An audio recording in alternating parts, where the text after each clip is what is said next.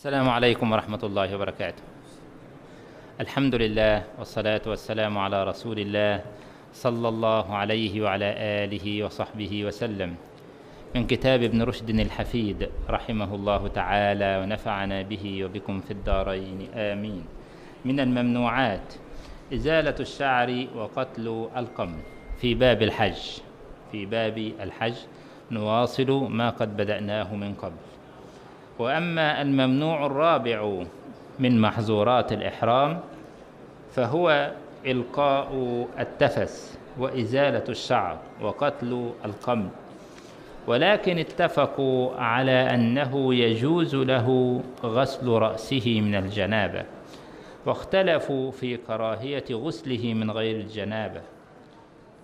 فقال الجمهور لا بأس بغسل رأسه وقال مالك بكراهية ذلك. وقال مالك بكراهية ذلك. هذه المسألة أصلها في جواز الاغتسال بالنسبة للمحرم. هل يجوز للمحرم أن أن يغتسل؟ فإن كان الاغتسال من الجنابة فهذا أمر متفق على جوازه لأن الجنابة عذر من الأعذار. لكن الإشكالية إذا كان الاغتسال ليس من الجنابة بأن كان مثلا من قضية التبرد في الصيف أو قضية الاغتسال لإزالة ما يعلق بالبدن من أشياء وهو ما سمي في الكتاب بإلقاء التفس. إلقاء التفس أي إلقاء القاذورات أو الأوساخ التي تعلق بالإنسان بطبيعته. فهل هذا جائز؟ هل هذا الاغتسال جائز بالنسبة للمحرم؟ هذا هو الذي وقع فيه الاختلاف بين الفقهاء. فعند المالكية المشهور في المذهب أن هذا الاغتسال لا يجوز. وذكره الإمام مالك رحمه الله تعالى ورأى عدم جوازه. لماذا؟ قال لأن الاغتسال عرضة أو ذريعة لسقوط بعض الأشياء التي قد تقع في المحظور مثل أن يقع شعر من الإنسان أثناء الاغتسال أو هذه الاشياء أو كذلك الامتشاط فهذه الأشياء إذا وقعت فإنه قد وقع في محظور الإحرام الذي يستوجب فدية دما في الإحرام. ومن هنا لم يجزه الإمام مالك. وتعبير ابن رشد كرهه مالك. كرهه هنا لم يجزه. وابن رشد رحمه الله كثيرا ما أطلق الكراهة على أقوال الإمام مالك والمراد بها التحريم المراد بها عدم الجواز وليس المراد بها أبدا الكراهة التنزيهية. لأنه لا يصح إن إحنا نقول كرهه مالك وفيه الفدية عند مالك. كيف يكون فيه الفدية عند مالك وهو مكروه؟ كراهة تنزيهية. كيف يكون فيه الفدية ونحن نقول إنه محظور من محظورات الإحرام؟ فكرهه مالك معناها أنه لم يجزه. طبعا هذا مذهب الإمام مالك في قضية إلقاء التفس. وطبعا الذين يرون أنه لا يجوز وهم المالكية يقولون الإحرام اللي هو أدنى الإحرام يكون ثلاثة أيام مثلا ثم بعد ذلك له أن يتحلل التحلل الأصغر فيحل له كل شيء إلا النكاح. يعني لو افترضنا أن هذا الإنسان أحرم من يوم التروية أو أحرم من يوم عرفة مثلا كم مدة تأخذها أعمال الحج؟ من الوقوف بعرفة ثم بعد الوقوف بعرفة يذهب إلى المزدلفة ثم يرمي جمرة العقبة في يوم النحر ثم يذهب ليحلق رأسه وينحر إن كان عليه النحر ويطوف. خلاص إذا نحر وحلق فقد تحلل التحلل الأصغر. وطبعا بنفترض في ذلك أنه سعى بين الصفا والمروة. فإذا فعل ذلك خلاص تحلل التحلل الأصغر. فله أن يغتسل وله أن يستخدم الامتشاط وله أن يفعل هذا. فهذه كلها أشياء يعني في ثلاثة أيام أو ربما أقل من ثلاثة أيام. فهذه وجهة النظر. فهناك فرق بين أن يحرم الإنسان ما شاء فهذه حريته. وبين أن يحرم الإنسان لأداء الواجب فإحرامه لأداء الواجب وقت قليل. إنما إذا أراد هو أن يحرم ثلاثة أشهر الحج هو على راحته يستح يعني يعني هو الذي اختار لنفسه هذا الطريق.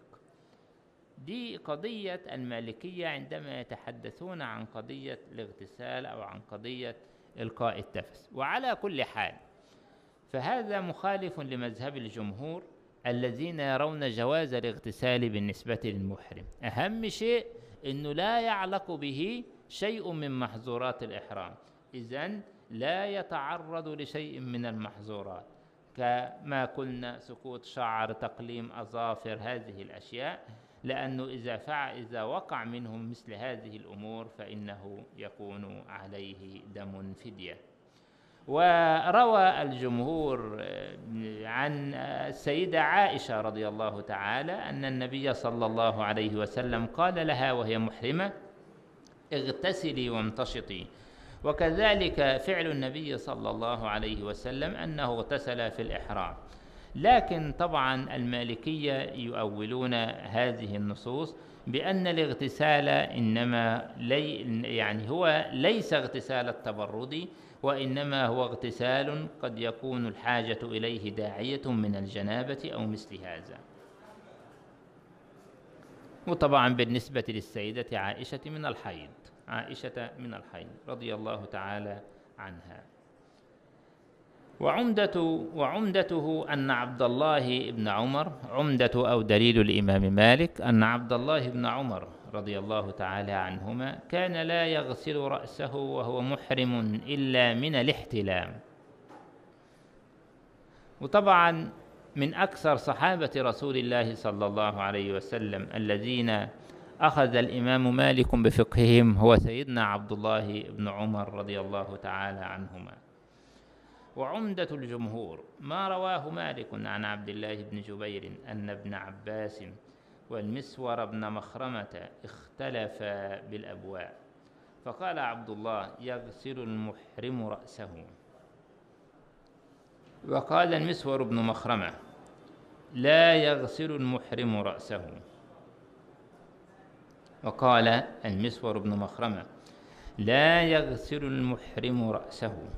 قال فأرسلني عبد الله بن عباس إلى أبي أيوب الأنصاري. قال فوجدته يغتسل بين القرنين وهو مستتر بثوب فسلمت عليه فقال من هذا؟ فقلت عبد الله بن جبير أرسلني إليك عبد الله بن عباس أسألك كيف كان رسول الله صلى الله عليه وسلم يغسل رأسه وهو محرم. فوضع أبو أيوب يده على الثوب فتطأطأ حتى بدا لي رأسه ثم قال لإنسان يصب عليه فصب على رأسه أي قال لإنسان يصب عليه صب عليه فصب على رأسه ثم حرك رأسه بيديه فأقبل بهما وأدبر ثم قال هكذا رأيت رسول الله صلى الله عليه وسلم يفعل هذا هو الشاهد إن هو يعلم عبد الله بن جبير حتى يذهب إلى ابن عباس يقص القصة عليه وعلى المسور بن مخرمة أن النبي صلى الله عليه وسلم قد اغتسل وغسل رأسه. هكذا رأيت رسول الله صلى الله عليه وسلم يفعل. وكان عمر يغسل رأسه وهو محرم ويقول ما يزيده الماء إلا شعثا يعني ما يزيده الماء إلا تفرقا. إنما لا يوجد في أي نوع في الغسل من أنواع التسريح أو من أنواع الهندمة الزائدة أو مثل هذا. ما يزيده الماء إلا شعثا وحمل مالك حديث أبي أيوب على غسل الجنابة. هذا هو ما ذكرناه عن الإمام مالك أنه تأول مثل هذه الأحاديث بأن المراد بها غسل الجنابة لأن الإمام مالك أورد هذا الحديث في الموطأ حديث المسور بن مخرمة وعبد الله بن جبير وعبد الله بن عباس. لما اختلف وأرسل عبد الله بن عباس عبد الله بن جبير إلى أبي أيوب يسأله كيف كان حال النبي صلى الله عليه وسلم في الإحرام؟ هل يغتسل أم لا؟ فهذا الحديث أورده مالك في الموطأ لكنه لم يعمل به على ظاهره ورأى أن هذا الغسل إنما هو من غسل الجنابة خلافا لرأي جمهور الفقهاء.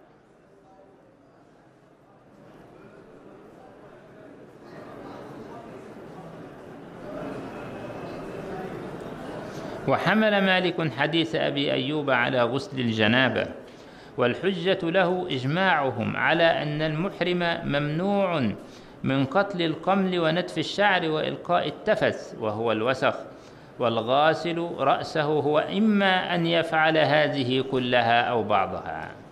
والحجة لمالك إجماعهم على أن المحرم ممنوع من قتل القمل ونتف الشعر وإلقاء التفث والغاسل رأسه هو إما أن يفعل هذا كله أو بعضه.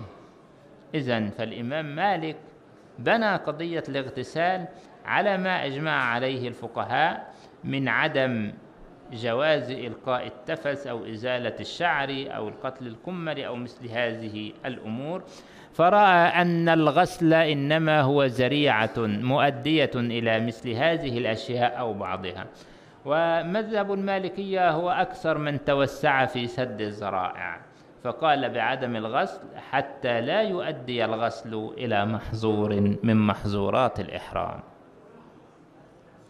واتفقوا على منع غسله رأسه بالخطمي أو الخطمي واتفقوا على منع غسل رأسه بالخطمي كلاهما صواب. وقال مالك وأبو حنيفة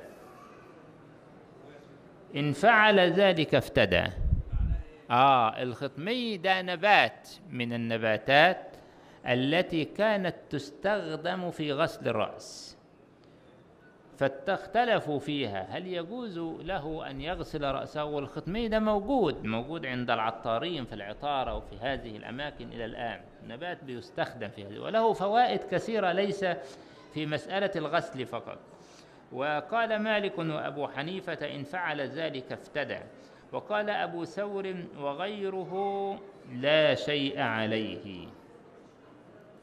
طبعا آه، أما نقرأ العنوان الذي كتبه ابن رشد رحمه الله يقول واتفقوا. يعني مطلع المسألة واتفقوا على منع غسل رأسه بالخطمي. الشافعية يجوزون غسل الرأس بالخطمي لا يمنعون هذا. إذا قضية الاتفاق تحتاج إلى مراجعة. فالشافعية عندهم لا يكره حتى مسألة الكراهة لا يكره غسل الرأس بالخطمي وهذه عبارة منهاج الطالبين. لا يكره غسل بدنه بالخطمي وكذلك رأسه. نعم. آه الإمام أبو حنيفة نعم منع غسل الرأس بالخطمي خلافا للصاحبين الإمام محمد بن الحسن والإمام أبو يوسف من الحنفية.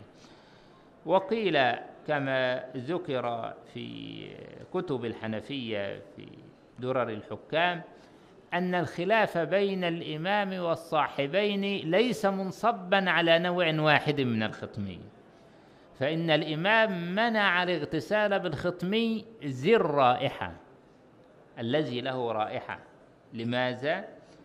إذا أعاد الإمام القضية إلى قضية التطيب ليس إلى ذات الخطمي وأما الصاحبان اللذان أجاز اغتسال غسل الرأس بالخطمي أجاز بالخطمي الذي لا طيب فيه الذي لا رائحة فيه. إذا مورد الخلاف ليس واحدا وهذا اعتبارا باختلاف العرف أو اختلاف المكان أو مثل هذه الأشياء. فإن خطمي الشام كما قالوا يختلف عن خطمي العراق.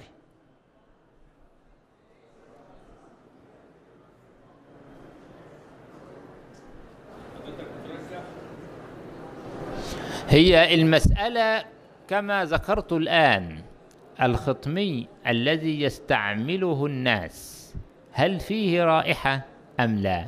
هل هو من ذوات الرائحة الظاهرة؟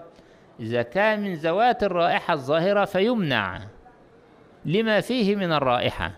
إنما إذا لم تكن فيه رائحة فهو مثل الصابون الذي ليس له رائحة أو له رائحة تزول بمجرد الغسل. يعني ليست له رائحة نفاذة ففي هذه الحالة لا بأس باستخدامه.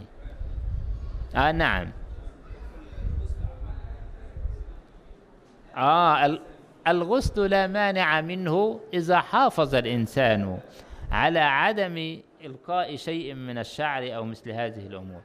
فإذا كان الإنسان لا يستطيع الاحتياط أو عنده احتمال فهذا الشخص يعني نقول له قلل من مدة إحرامك ولا تأس على نفسك في قضية مدة الإحرام. قصر مدة الإحرام لهذه المدة التي تستطيع فيها أن تباشر المناسك الواجبة ثم بعد ذلك تحلل وافعل ما تشاء. لا شك أن الأفضل هو هو الخروج من الخلاف. هذا يعني الخروج من الاختلاف مندوب. هذه قاعدة. فمن أراد الخروج من الاختلاف فقد احتاط لنفسه واستبرأ لدينه. إنما إحنا لا نستطيع أن ننكر من على من يغتسل. أخذا برأي الجمهور طبعا. والجمهور أدلته قوية. إنما بنقول إذا أراد الاحتياط فلا بأس أن يقلد من أجاز وبالتالي أن يقلد مذهب الإمام مالك في المنع وبالتالي يقلل من مدة الإحرام بالنسبة له. واختلفوا في الحمام. طبعا قضية الحمام ليست هي المراد بها الحمام الآن إنما المراد بها الحمامات العامة التي كانت معروفة قديما ولا تزال معروفة في بعض البلدان الحمامات العامة.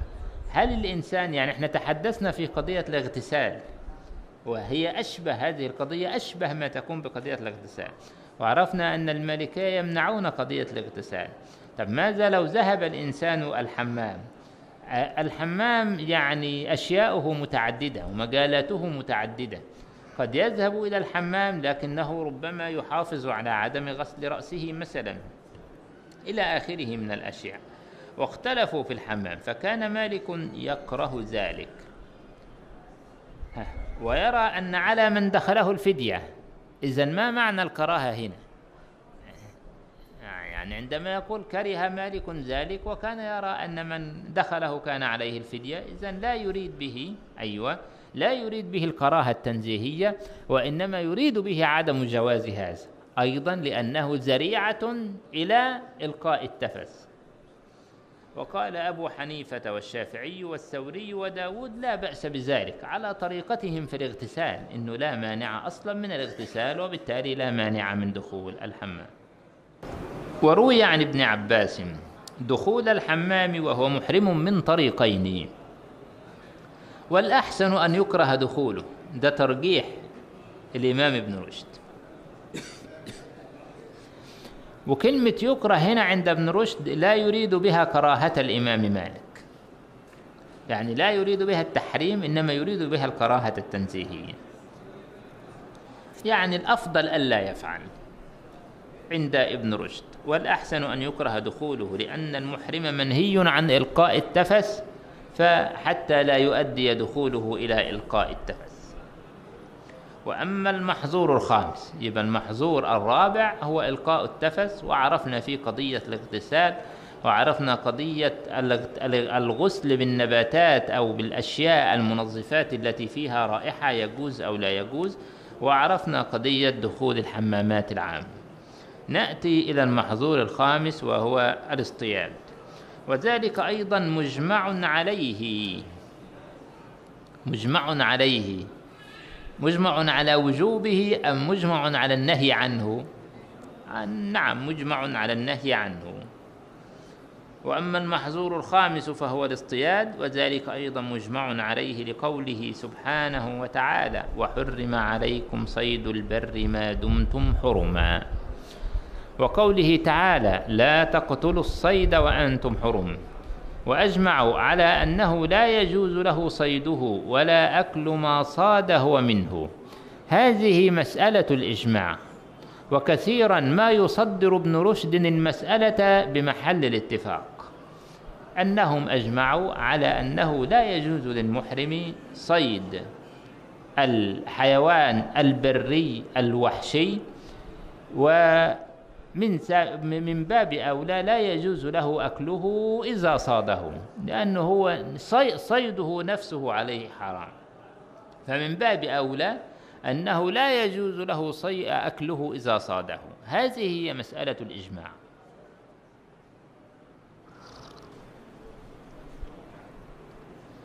واختلفوا إذا صاده حلال. هل يجوز للمحرم أكله؟ على ثلاثة أقوال. قول إنه يجوز له أكله على الإطلاق وبه قال أبو حنيفة وهو قول عمر بن الخطاب والزبير. وقال قوم وقال قوم هو محرم عليه في كل حال وهو قول ابن عباس وعلي وابن عمر وبه قال الثوري. وقال مالك ما لم يصد من أجد المحرم أو من أجد قوم محرمين فهو حلال وما صيد من أجد المحرم فهو حرام على المحرم. إذا هذه ثلاثة مذاهب إذا صاد الإنسان صيدا ثم أعطاه لحلال لمحرم فأكل منه المحرم. إذا هذه المسألة تفترض أن الذي صاد الصيد هو حلال فأعطاه لرجل محرم محرم يأكله. هل يجوز مثل هذا أو ما أو لا؟ ويدخل فيها ما إذا كان هذا الحلال يصيد الصيد فيبيعه للمحرمين. نفس القضية هو حلال يصيد الصيد لكن هذا الصيد يباع للمحرمين. على ثلاثة أقوال البعض أجاز كالإمام أبي حنيفة في قضية أنه آه، ما دام المحرم لم يصده فهو حلال له والمسألة أو المذهب الثاني بالعكس وهو أنه لا يجوز للمحرم أكل الصيد حتى ولو كان الذي صاده حلال سواء صاده لهذا المحرم أو لغيره. والمذهب الثالث هو القائل بالتفصيل مذهب المالكية. في أن الحلال إذا صاده من أجل المحرم فإنه لا يجوز للمحرم أن يأكله وإلا يجوز له أن يأكله ما لم يصده الحلال له. وسبب اختلافهم تعارض الآثار في ذلك. فأحدها ما خرجه مالك في حديث أبي قتادة أنه كان مع رسول الله صلى الله عليه وسلم طبعا أبو قتادة لم يكن محرما. كان حلالا. كان مع رسول الله صلى الله عليه وسلم حتى حتى إذا كانوا ببعض طرق مكة تخلف مع أصحاب له محرمين وهو غير محرم. فرأى حمارا وحشيا فاستوى على فرسه فسأل أصحابه أن يناولوه صوته فأبوا عليه فسألهم رمحه فأبوا عليه. طبعا أصحابه كانوا محرمين. فأخذه أخذ هو الرمح ثم شد على الحمار فقتله.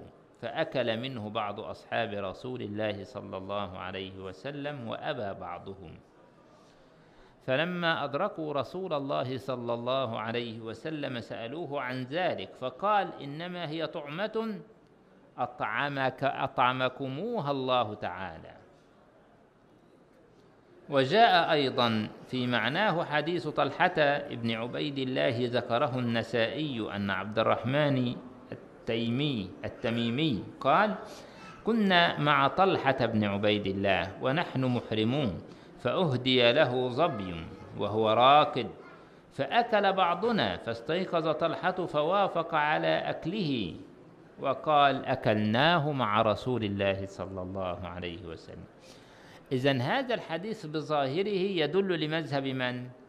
يدل لمذهب الإمام أبي حنيفة في جواز أن يأكل المحرم الصيد ما دام لم يصده هو بنفسه إنما صاده شخص حلال والحديث الثاني يعارضه. حديث ابن عباس خرجه أيضا مالك أنه أهدي لرسول الله صلى الله عليه وسلم حمار وحشي وهو بالأبواء أو بودان فرده عليه وقال إنا لم نرده عليك إلا أن حرم. إنا لم نرده عليك إلا أن حرم. هذا الحديث يصح دليلا لمن يرى أنه لا يجوز للمحرم أكل الصيد حتى ولو صاده له حلال. فالنبي صلى الله عليه وسلم قد امتنع عن أكل الصيد بحجة أنه محرم. إنا لم نرده عليك إلا أنا حرم. وللاختلاف في وللاختلاف سبب آخر وهو هل يتعلق النهي عن الأكل بشرط القتل أو يتعلق بكل واحد منهما النهي عن الانفراد؟ فمن أخذ بحديث أبي قتادة قال إن النهي إنما يتعلق بالأكل مع القتل. ومن أخذ بحديث ابن عباس قال النهي يتعلق بكل واحد منهما على انفراده. فمن ذهب في هذه الأحاديث مذهب الترجيح قال إما بحديث أبي قتادة وإما بحديث ابن عباس. ومن جمع بين الأحاديث قال بالقول الثالث. قالوا والجمع أولى وأكدوا ذلك بما روي عن جابر عن النبي صلى الله عليه وسلم أنه قال صيد البر حلال لكم وأنتم حرم ما لم تصيدوه أو يصد لكم. هذه المسألة التي في أيدينا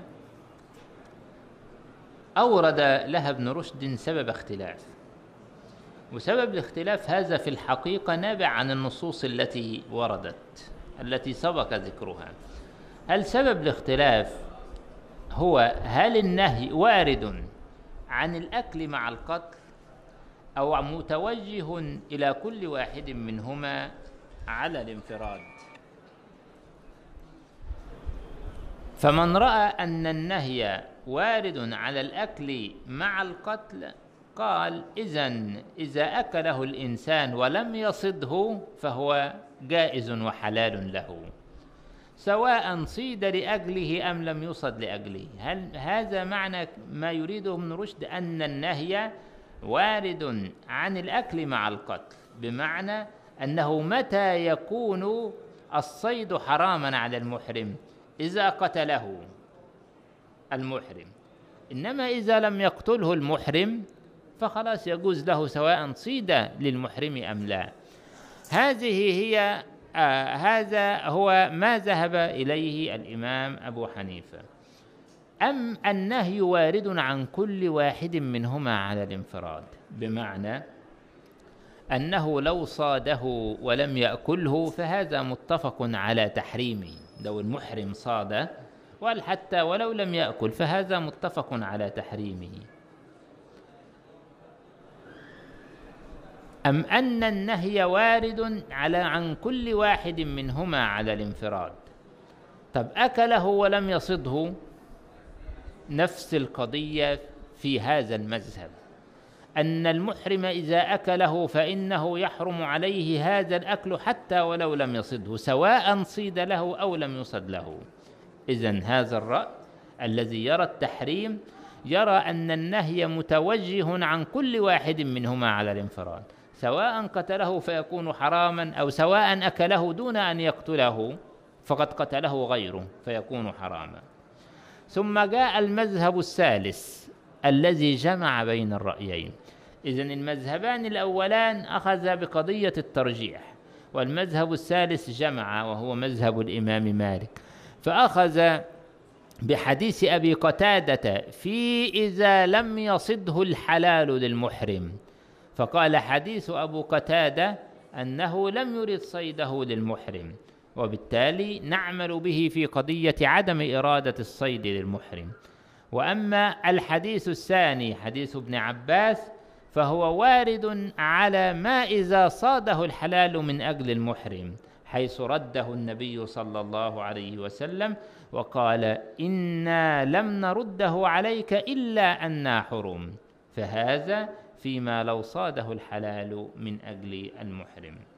ويرجح ابن رشد طبعا طريقة الجمع ويستأنس لها بما روي عن جابر رضي الله تعالى عنه أن النبي صلى الله عليه وسلم قال صيد البر حلال لكم وأنتم حرم ما لم تصيدوه أو يصد لكم. ما لم تصيدوه أو يصد لكم. ليس في كل المسائل?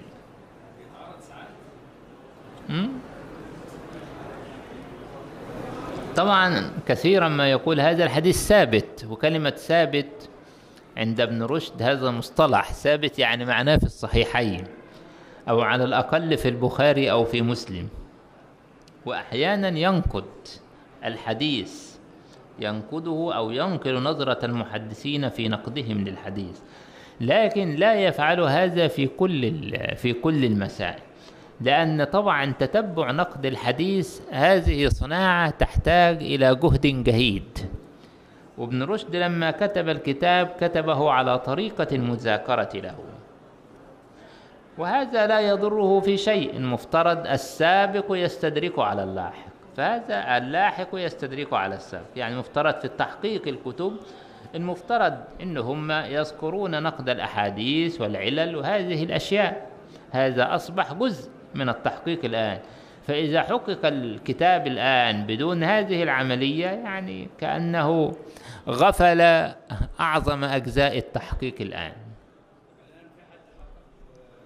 في طبعا في نعم ابن رشد هذا الكتاب حققه كثير من المحققين. في من منه التحقيق الضعيف واختلفوا في المضطر.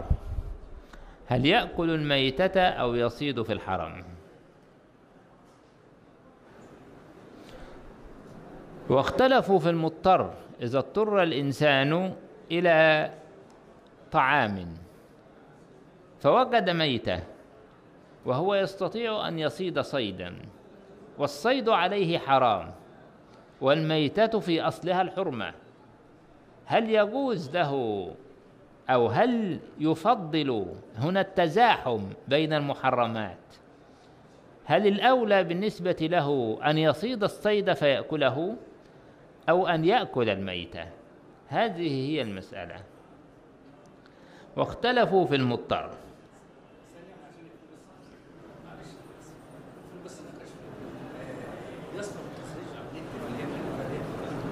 واختلفوا في المضطر. هل يأكل الميتة أو يصيد في الحرم؟ فقال مالك وأبو حنيفة والثوري وزفر وجماعة إذا اضطر أكل الميتة ولحم الخنزير دون الصيد.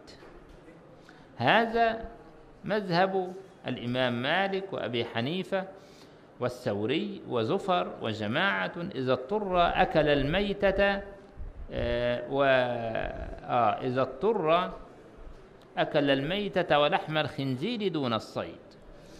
وقال أبو يوسف يصيد ويأكل وعليه الجزاء. عليه جزاء الصيد فجزاء مثل ما قتل من النعم. يحكم به ذوى عدل منكم هديا بالغ الكعبة أو كفارة طعام مساكين أو عدل ذلك صياما. يبقى هذه الأشياء هي كفارة اللي هي جزاء قتل الصيد. فالإمام أبو يوسف يرى أنه يقدم أكل الصيد على أكل الميتة ويدفع الجزاء. والأول أحسن للزريعة وقول أبي يوسف أقيس والأول أحسن. لماذا ترجح يا ابن رشد الأول أحسن للزريعة بسبب الزريعة التي قد تجر بعض الناس إلى صيد الصيد بحجة أنهم آه أنهم مضطرون فيأكلونه فحتى نسد الزريعة إلى قتل الصيد فإنه يأكل الميتة.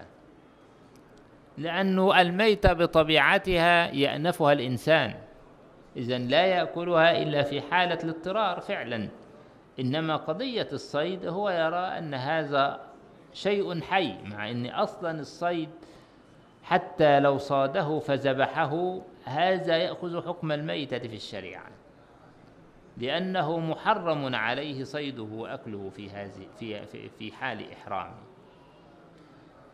والأول أحسن للزريعه يعني سدا للزريعه الداعية إلى فتح باب الصيد وأكله.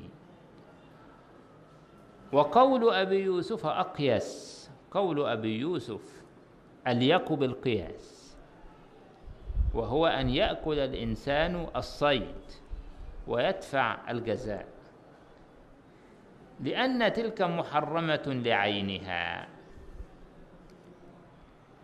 هذا ترجيح من باب المقاصد وهذه قواعد في المقاصد ينبغي أن يشد طالب العلم انتباهه إليها وأن يعض عليها بالنواجذ فهي في غاية الإفادة في الترجيح في المقاصد.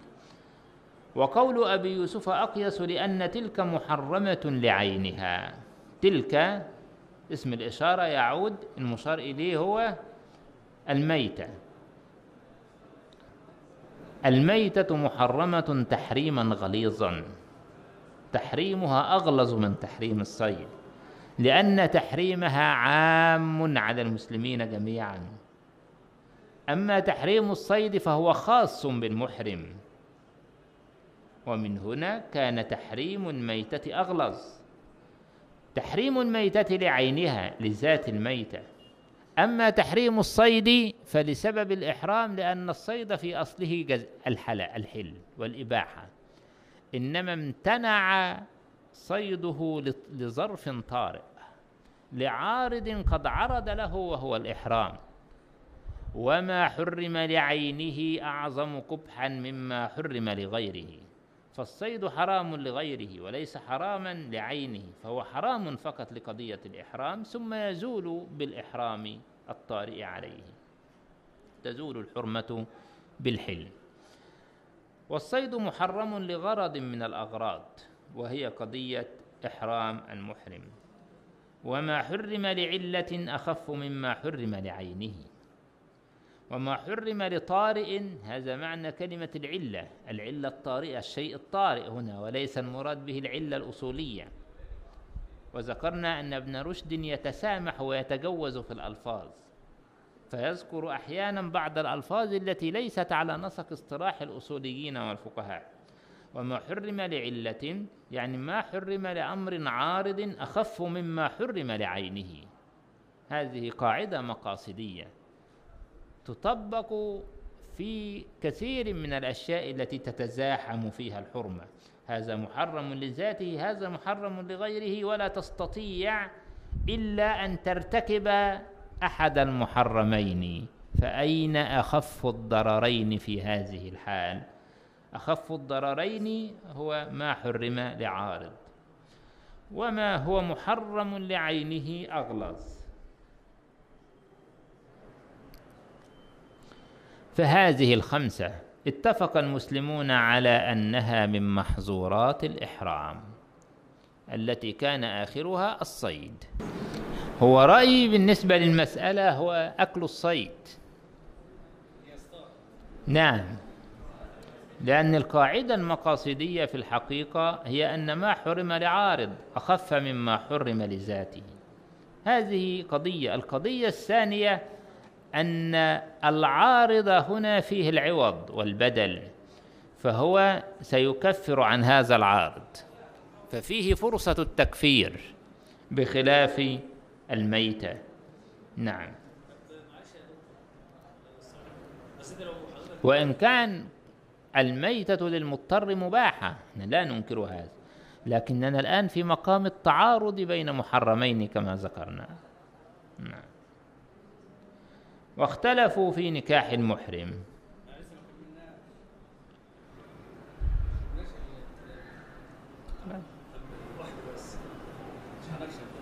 ولا مفتوح أيوه الخنزير الامام مالك وكده يعني ممكن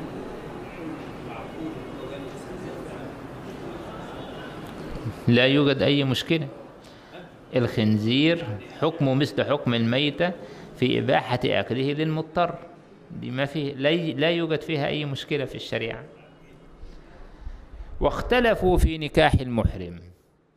فقال مالك والشافعي والليث والأوزاعي لا ينكح المحرم. طبعا والحنابلة في هذا لكن الإمام ابن رشد أحيانا يذكرهم وكثيرا لا يذكرهم. فقال مالك والشافعي والليث والأوزاعي لا ينكح المحرم ولا. ولا ينكح. لا ينكح مفهومة ولا ينكح. لا يصح أن يكون وليا في العقد ولا يصح أن يكون وكيلا في العقد ولا يصح أن يكون مأزونا في العقد. إذن لا يصح له أن يباشر العقد بنفسه أو بالنيابة عن غيره وهكذا. فإن نكح فالنكاح باطل. وهو قول عمر وعلي بن أبي طالب وابن عمر وزيد بن ثابت. وقال أبو حنيفة والثوري لا بأس بأن ينكح المحرم أو أن ينكح. طبعا مسألة أبو حنيفة والثوري أنه لا بأس بأن ينكح المحرم أو أن ينكح. هذه المسألة عند الإمام أبي حنيفة واردة على العقد وليست واردة على الدخول. فينبغي أن يتفطن لهذا. إن الحنفية عندما يجوزون النكاح فإنما يجوزون العقد فقط. إنما بالإجماع يحرم الجماع يحرم الدخول. لأن هو هذا محظور من محظورات الإحرام. قضية الجماع حتى لهذا المتزوج من سنوات. إذا من باب أولى أن يكون حراما بالنسبة لهذا الشخص. فالقضية فقط في قضية هل يجوز عقد النكاح هل يصح عقد النكاح أم لا يصح. خلينا نقول إن في فرق بين قضية الصحة وقضية الإباحة. لماذا؟ لأن الفقهاء الذين حرموا عقد النكاح منهم من حر منهم من صححه مع الإثم وهو قول عند الشافعية وقول عند المالكية. صحح العقد مع الاسم إذا هم على إذا الاختلاف الأساسي بينهم وبين الإمام أبي حنيفة في قضية التحريم والإباحة. كما أقول على قول من يرى من العلماء من فقهاء الشافعية في قول وفقهاء المالكية في قول صحة هذا العقد. هو صحيح عندهم مع الاسم. إذا الاختلاف على هذا القول بينهم وبين الحنفية في قضية الاسم. فالإمام أبو حنيفة يرى الحنفية يرونه صحيحا دون اسم يعني يرونه مباحا. إنما هم لا يرون الإباحة وإن كان هذا الرأي منهم يرى الصحة. على كل حال نركز القضية فنقول إن الخلاف بين الحنفية وبين الجمهور هو في قضية العقد أن الحنفية يجوزون عقد النكاح. ويستدلون على ذلك بحديث ابن عباس أن النبي صلى الله عليه وسلم تزوج ميمونة وهو محرم. تمام؟ دي ده ما دعا الحنفية الذي دعا الحنفية إلى تجويز عقد النكاح. ونشوف المسألة معانا في الأدلة مرة أخرى. والسبب في اختلافهم اختلاف الآثار في ذلك. فأحدها ما رواه مالك من حديث عثمان بن عفان أنه قال قال رسول الله صلى الله عليه وسلم لا ينكح المحرم ولا ينكح ولا يخطب. لا ينكح المحرم ولا ينكح ولا يخطب. والحديث المعارض لهذا حديث ابن عباس أن رسول الله صلى الله عليه وسلم نكح ميمونة وهو محرم. خرجه أهل الصحاح. خرجه أهل الصحاح. إذا هنا ابن رشد بيعلق على قضية تخريج الحديث. إلا أنه عارضته آثار كثيرة. كلام ابن عباس عارضته آثار كثيرة. عن ميمونة أن رسول الله صلى الله عليه وسلم تزوجها وهو حلال. رويت عنها من طرق شتى عن أبي رافع عن سليمان بن يسار وهو مولاها وعن زيد بن الأصم. رويت عنها من طرق شتى عن أبي رافع. أبو رافع روى وهو شهد الواقعة لأنه قال تزوج النبي صلى الله عليه وسلم ميمونة وهو حلال وكنت أنا الرسول بينهما. فإذا الرسول بينهما إذا هو كان بمثابة الوكيل أو بمثابة المبلغ في القصة. إذا شهد الواقعة وعلم بملابستها وهذا أحد أدوات الترجيح التي يرجح بها الفقهاء. فإذا كان ابن عباس يقول تزوج النبي صلى الله عليه وسلم ميمونة وهو محرم لكن لا يدل في هذا الحديث لا يوجد في هذا الحديث ما يدل على أن ابن عباس شهد الواقعة. ومعلوم أن ابن عباس رضي الله عنهما كان صغيرا حين توفي رسول الله صلى الله عليه وسلم. فقد سبقه الكثير من كبار الصحابة أخذا عن النبي صلى الله عليه وسلم ولذلك مرويات ابن عباس المتصلة اتصالا مباشرا برسول الله صلى الله عليه وسلم هي قليلة. أما أكثر ما أخذه ابن عباس رضي الله تعالى عنه على جلالة علمه وقدره فهو حبر الأمة وترجمان القرآن فقد سمعها من صحابة رسول الله صلى الله عليه وسلم. ولذلك عندما يقول أبو رافع وكنت أنا الرسول بينهما إذا هو أعلم بالقصة. والأمر الثاني إحنا كنا رويت عنها من طرق شتى عن أبي رافع وهو مولاها طبعا مولى السيدة عائشة وعن زيد بن الأصم. والسيدة عائشة كانت خالته وخالة ابن عباس. فحدثت ابن عباس وحدثته. فابن يزيد بن الأصم يقول تزوج النبي صلى الله عليه وسلم ميمونة وهو حلال. إذا هذا يعني هذه الأشياء هي من الأدوات التي ترجح أن النبي صلى الله عليه وسلم تزوج السيدة ميمونة وهو حلال. فإذا ابتغينا الترجيح من قضية الحل أو الحرمة فإننا سنرى مذهب الجمهور. لكن المسألة الثانية التي أشرنا إليها في هذه القضية ماذا لو عقد النكاح عليها؟ هل نعتبر عقد النكاح هذا باطل ولا نعتبره صحيح مع الإسم؟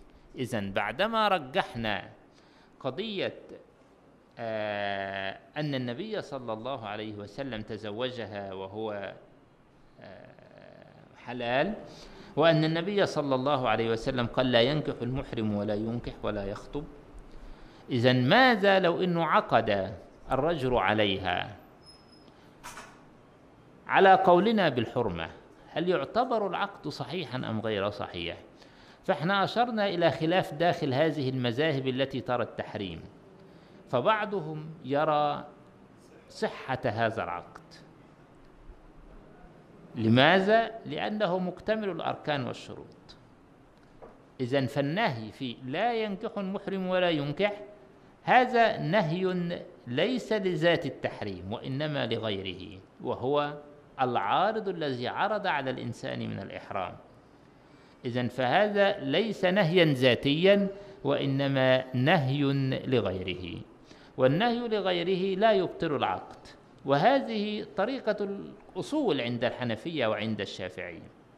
لكن الشافعية الذين يرون أن هذا العقد باطل لأن قلنا الشافعية في قولين. الذين يرون أن هذا العقد باطل يقولون التحريم لعينه لأنه ممنوع عن الجماع الذي من أجله كان النكاح في هذا الوقت وبالتالي يذهبون إلى إبطال العقد. إذا فخلاصة المسألة بعد أن نرجح القول بتحريم النكاح هل نقول بصحة العقد أم لا نقول بصحة العقد؟ بعد قولنا بترجيح التحريم هل نقول بصحته أم لا؟ يعني أنا في رؤيتي والله أعلم أن العقد صحيح. مع الاسم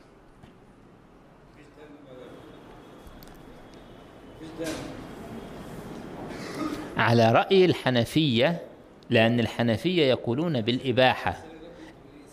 ما هو مع الإسم يبقى في دم عند من يقولون من فقهاء المذاهب إن العقد صحيح لأن هم يرون التحريم. إنما الحنفية أصلا يرون الإباحة. اذا ما فيش دم؟ آه. نعم. نعم. آه. وأما متى يحل فسنذكره عند ذكرنا أفعال الحج. وذلك أن المعتمر يحل إذا طاف وسعى وحلق واختلفوا في الحاج على ما سيأتي بعد. وإذ قد قلنا في تروك المحرم فلنقل في أفعاله. يبقى هو انتهى من محظورات الإحرام اللي هي كان آخرها تحدث في قضية النكاح ثم يأتي بعد ذلك إلى قضية الأفعال. هل الأفضل في الحج الإفراد أم التمتع أم القراءة وما إلى ذلك من هذه الأمور التي يتعلق بها أفعال الحجيج. القول في التمتع. فنقول إن العلماء اتفقوا على أن هذا النوع من النسك الذي هو المعني بقوله سبحانه وتعالى فمن تمتع بالعمرة إلى الحج فما استيسر من الهدي لقيتوها موجودة عندكم؟ طيب. فنقول إن العلماء اتفقوا على أن هذا النوع من النسك الذي هو المعني بقوله سبحانه فمن تمتع بالعمرة إلى الحج فما استيسر من الهدي. هو أن يهل الرجل بالعمرة في أشهر الحج من الميقات. وذلك إذا كان مسكنه خارجا عن الحرم. ثم يأتي حتى يصل البيت فيطوف لعمرته ويسعى ويحلق في تلك الأشهر بعينها. ثم يحل بمكة ثم ينشئ الحج في ذلك العام بعينه. وفي تلك الأشهر بعينها من غير أن ينصرف إلى بلده. من غير أن ينصرف إلى بلده. إلا ما روي عن الحسن أنه كان يقول هو متمتع.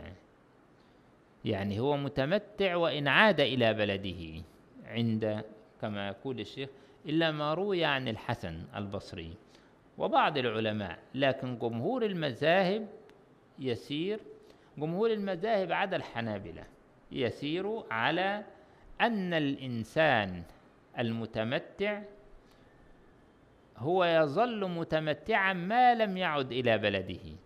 يعني ربما يفعل العمرة ثم يذهب إلى مكان بعيد مسافة القصر. على سبيل المثال ربما يزور مدينة رسول الله صلى الله عليه وسلم يزور قبر رسول الله صلى الله عليه وسلم بعد العمرة بعد أن يتحلل.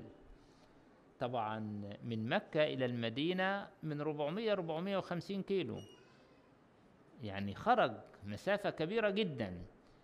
هل نعتبره عندما يأتي للحج نعتبره مفردا لأنه خرج أكثر من مسافة القصر أم نعتبره متمتعا؟ دي المسألة اللي بيتحدث عنها المالكية أنه يظل متمتعا إلى أن يصير إلى إلى بلده إلى أن يصير إلى أفقه كما يقول الفقهاء. فقضية أنه يذهب إلى المدينة أو يذهب إلى جدة أو يذهب إلى مكان لزيارة الأقارب أو إلى عمل مصالح معينة لأنه أحل بعد العمرة التمتع أن يحرم بالعمرة ويفعل نسكها ثم يتحلل. خلاص يفعل ما يشاء في التحلل بعد ذلك حتى يأتي الحج فيحرم بالحج. وعلى ذلك يترتب عليه إن هذا الرجل الذي ذهب بعيدا بعدما اعتمر هل هو في هذه الحالة عندما يحرم بالحج يحرم بالحج من الميقات أم يحرم بالحج من داخل مكة؟ كأنه لم يخرج من مكة أصلا. هنا عند الجمهور يحرم بالحج من داخل مكة كأنه لم يخرج من الحرم. ده ما يترتب على قولنا أنه متمتع. إنما لو قلنا إنه مفرد لما خرج مسافة القصر وهو مذهب الحنابلة ذكره ابن قدامة في المغني وفي الكافي وفي غيره إنه في هذه الحالة عندما يحرم بالحج سيحرم بالحج من الميقات. فإذا ذهب للمدينة يبقى هو جاي من المدينة يحرم في ذي الحليفة في أبيار علي. وهكذا. ليه؟ لأنه خلاص اعتبر مفردا عند الحنابلة. على ذلك ما دام اعتبر مفردا إذا ليس له ليس عليه أن يهدي لأن الهدي الواجب إنما يتعلق بالتمتع وهو الآن مفرد. إذا ليس عليه هدي وهكذا.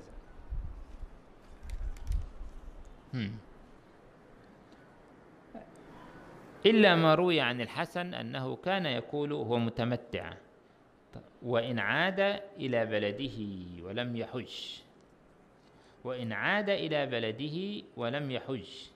ثم عاد مرة أخرى من بلده. ده يعني كلام الإمام الحسن البصري وليس عليه جمهور الآئمة الأربعة بما فيهم الحنابلة. لأن الحنابلة من باب أولى يعتبرون هذا مفردا لأنهم اعتبروا اللي ذهب للمدينة واللي ذهب لجدة واللي ذهب لكذا يعتبرون هذا مفردا. فمن باب أولى أن يعتبروا الذي ذهب إلى بلده مفردا.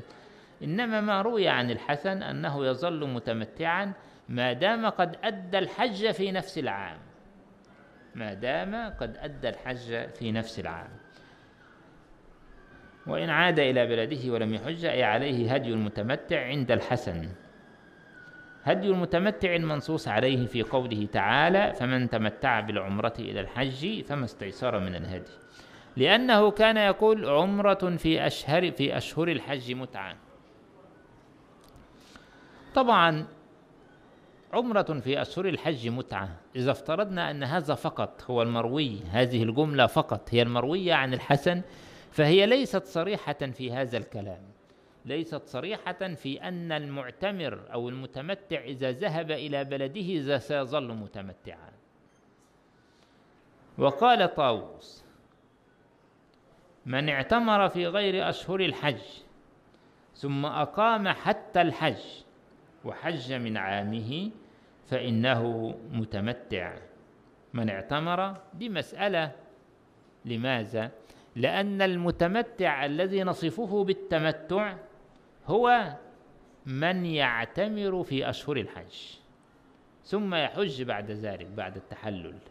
يبقى هذا هو شكل المتمتع أن يعتمر في أشهر الحج. طب هل لو اعتمر في غير أشهر الحج يعني قبل الأشهر الشوال وذي القعدة وذي الحج هو ربما اعتمر في رمضان وظل في مكة.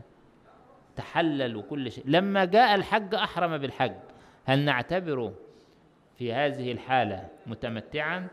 الجمهور من الفقهاء يقول لك لا. ما دام قد أتم عمرته كاملة تامة في رمضان إذا أتمها في غير أشهر الحج. وبالتالي لا يسمى هذا متمتعا. لا يأخذ أحكام التمتع فلا يجب عليه الهج وإنما يأخذ أحكام المفرد.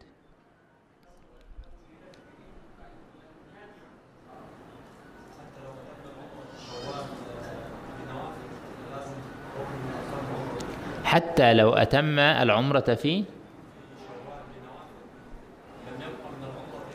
ما معنى نوافل في العمرة؟ العمرة تشتمل على الطواف والسعي ثم يقصر ويتحلل. إذا فعل ذلك فقد أتم العمرة. لا بعد السعي. آه بعد الطواف والسعي يأتي قضية التقصير. فإذا فعل ذلك فقد أتم العمرة. فإذا فعل ذلك كله في رمضان خلاص إذا لم يدرك شيئا في في أشهر الحج. فهذا يكون مفردا عند الأئمة الأربعة. خلافا لطاووس الذي حكي عنه أنه يظل متمتعا ما دام قد ظل بمكة. واتفق العلماء على أن من لم يكن من حاضر المسجد الحرام فهو متمتع. واتفق العلماء على أن من لم يكن من حاضر المسجد الحرام فهو متمتع. واختلفوا في المكي هل يقع منه التمتع أم لا يقع؟ والذين قالوا إنه يقع منه اتفقوا على أنه ليس عليه دم. لقوله تعالى ذلك لمن لم يكن أهله حاضر المسجد الحرام. طبعا عند الشافعية وعند الحنابلة أن التمتع يلحق المكي أيضا لكن كل القضية أنه معفو عنه في قضية الهدي لأن اسم الإشارة إنما يعود على قوله تعالى فمن تمتع. فالمتمتع ذلك لمن لم يكن أهله حاضر المسجد. فمن تمتع بالعمرة إلى الحج فما استيسر من الهدي ثم في النهاية ذلك لمن لم يكن أهله حاضر المسجد الحرام. فهؤلاء الذين يرون أن التمتع يلحق المكي قياسا على غير المكي إذ لا فرق بين المكي وبين غيره إلا فيما خصه الدليل. ذلك لمن لم يكن أهله حاضر المسجد الحرام فلا هدي عليه. إنما بعض الفقهاء يرون أن التمتع ليس شأن المكي أصلا ولا يخاطب به المكي لأن التمتع هذا رخصة لمن أتى من سفر بعيد. فقد خفف عنه في سفرة واحدة ورخص له في سفرة واحدة بأن يعتمر ويحج ويجعلون اسم الإشارة ذلك لمن لم يكن أهله حاضر المسجد الحرام راجع إلى التمتع. فمن تمتع ذلك يبقى إذا هذا ذلك لمن لم يكن أهله حاضر المسجد الحرام. إذا ذلك لمن لم يكن أهله ذلك التمتع لمن لم يكن أهله. إحنا كنا في ال- الذين يرون أنه لا هدي عليه لكن له التمتع المكي له التمتع. قلنا اسم الإشارة يعود على التمتع. لا اسم الإشارة يعود على الهدي. فما استيسر من الهدي ذلك لمن لم يكن أهله حاضر المسجد الحرام. هؤلاء الشافعية والحنابلة الذين يرون التمتع جائز ومشروع في حق المكي. إذا يرجعون كلمة ذلك لفظ ذلك الاسم الإشارة يكون المشار إليه الهدي. ذلك فما استيسر من الهدي ذلك لمن لم يكن أهله حاضر المسجد الحرام لا هدي عليهم. إنما الرأي الثاني الذي يرى أن حاضر المسجد الحرام لا تمتع لهم أصلا يرجع اسم الإشارة إلى كلمة التمتع. فمن تمتع ذلك لمن لم يكن أهله حاضر المسجد الحرام.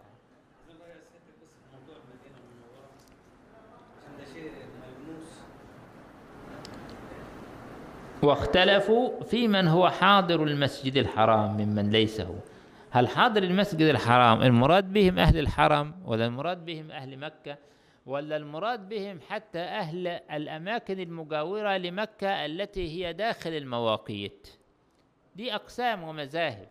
البعض يراهم أهل الحرم فقط البعض يراهم أهل مكة جميعا. البعض يراهم أهل الآفاق المجاورة لمكة ما لم نتجاوز المواقيت. المكانية المعروفة من الجحفة ومن ذات عرق ومن قرن المنازل ويلملم وهذه الأشياء وذي الحليفة إلى آخره.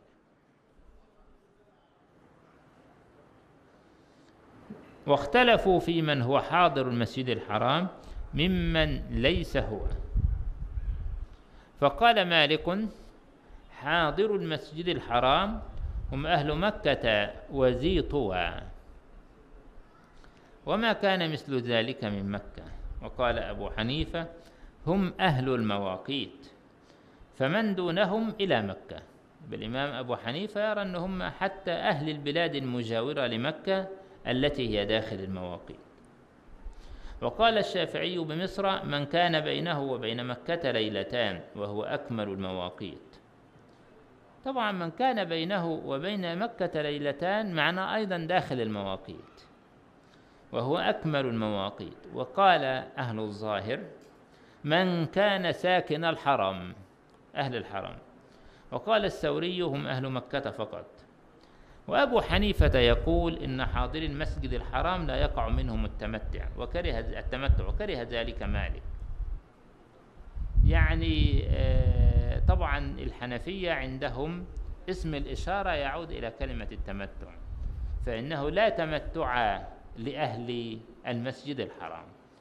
وكذلك مذهب الإمام مالك هو ابن رشد يقول وكره نفس القضية. وكره ليس معناها الكراهة التنزيهية إنما المراد بها عدم الجواز. ولذلك المالكية من شروط التمتع عندهم ألا يكون من أهل مكة. وكره ذلك مالك وسبب الاختلاف اختلاف ما يدل عليه اسم حاضر المسجد الحرام بالأقل والأكثر. هو في الحقيقة آه، ليست قضية اختلاف ما يدل عليه اسم حاضر المسجد الحرام بالأقل والأكثر لأن القضية دي تأتي في المسألة التي ذكرها ابن رشد إن كان يريد الإشارة إليها وهي ما معنى أهل حاضر المسجد الحرام. هل هم أهل الحرم؟ ولا أهل مكة ولا أهل الجوار. هذا اختلاف بالأقل والأكثر في حاضر المسجد الحرام. إنما قضية الاختلاف هل أهل مكة لهم تمتع أم لا؟ هذا اختلاف في عود اسم الإشارة في العود في عود اسم الإشارة إلى المشار إليه. ما, ما, ما هو المشار إليه؟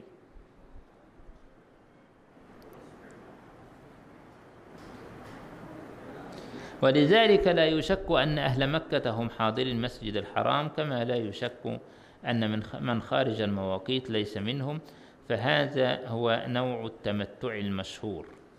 ومعنى التمتع أنه تمتع بتحلله أو تمتع بتحلله بين النسكين.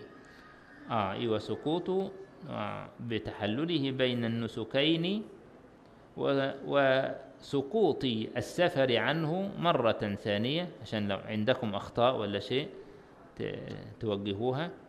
وسقوط السفر عنه مرة ثانية إلى النسك الثاني الذي هو الحج. وهما نوعان من التمتع. طبعا هو في النهاية كأنه يعني يشير إلى معنى التمتع والمقصد منه. أن التمتع هو تحلل بين النسكين وسقوط السفر عنه لذلك كان التمتع شكرا لله تعالى في الهدي بأن أسقط الله تعالى عنه السفر مرة أخرى فكان ذبح الهدي شكرا لله تعالى على هذا.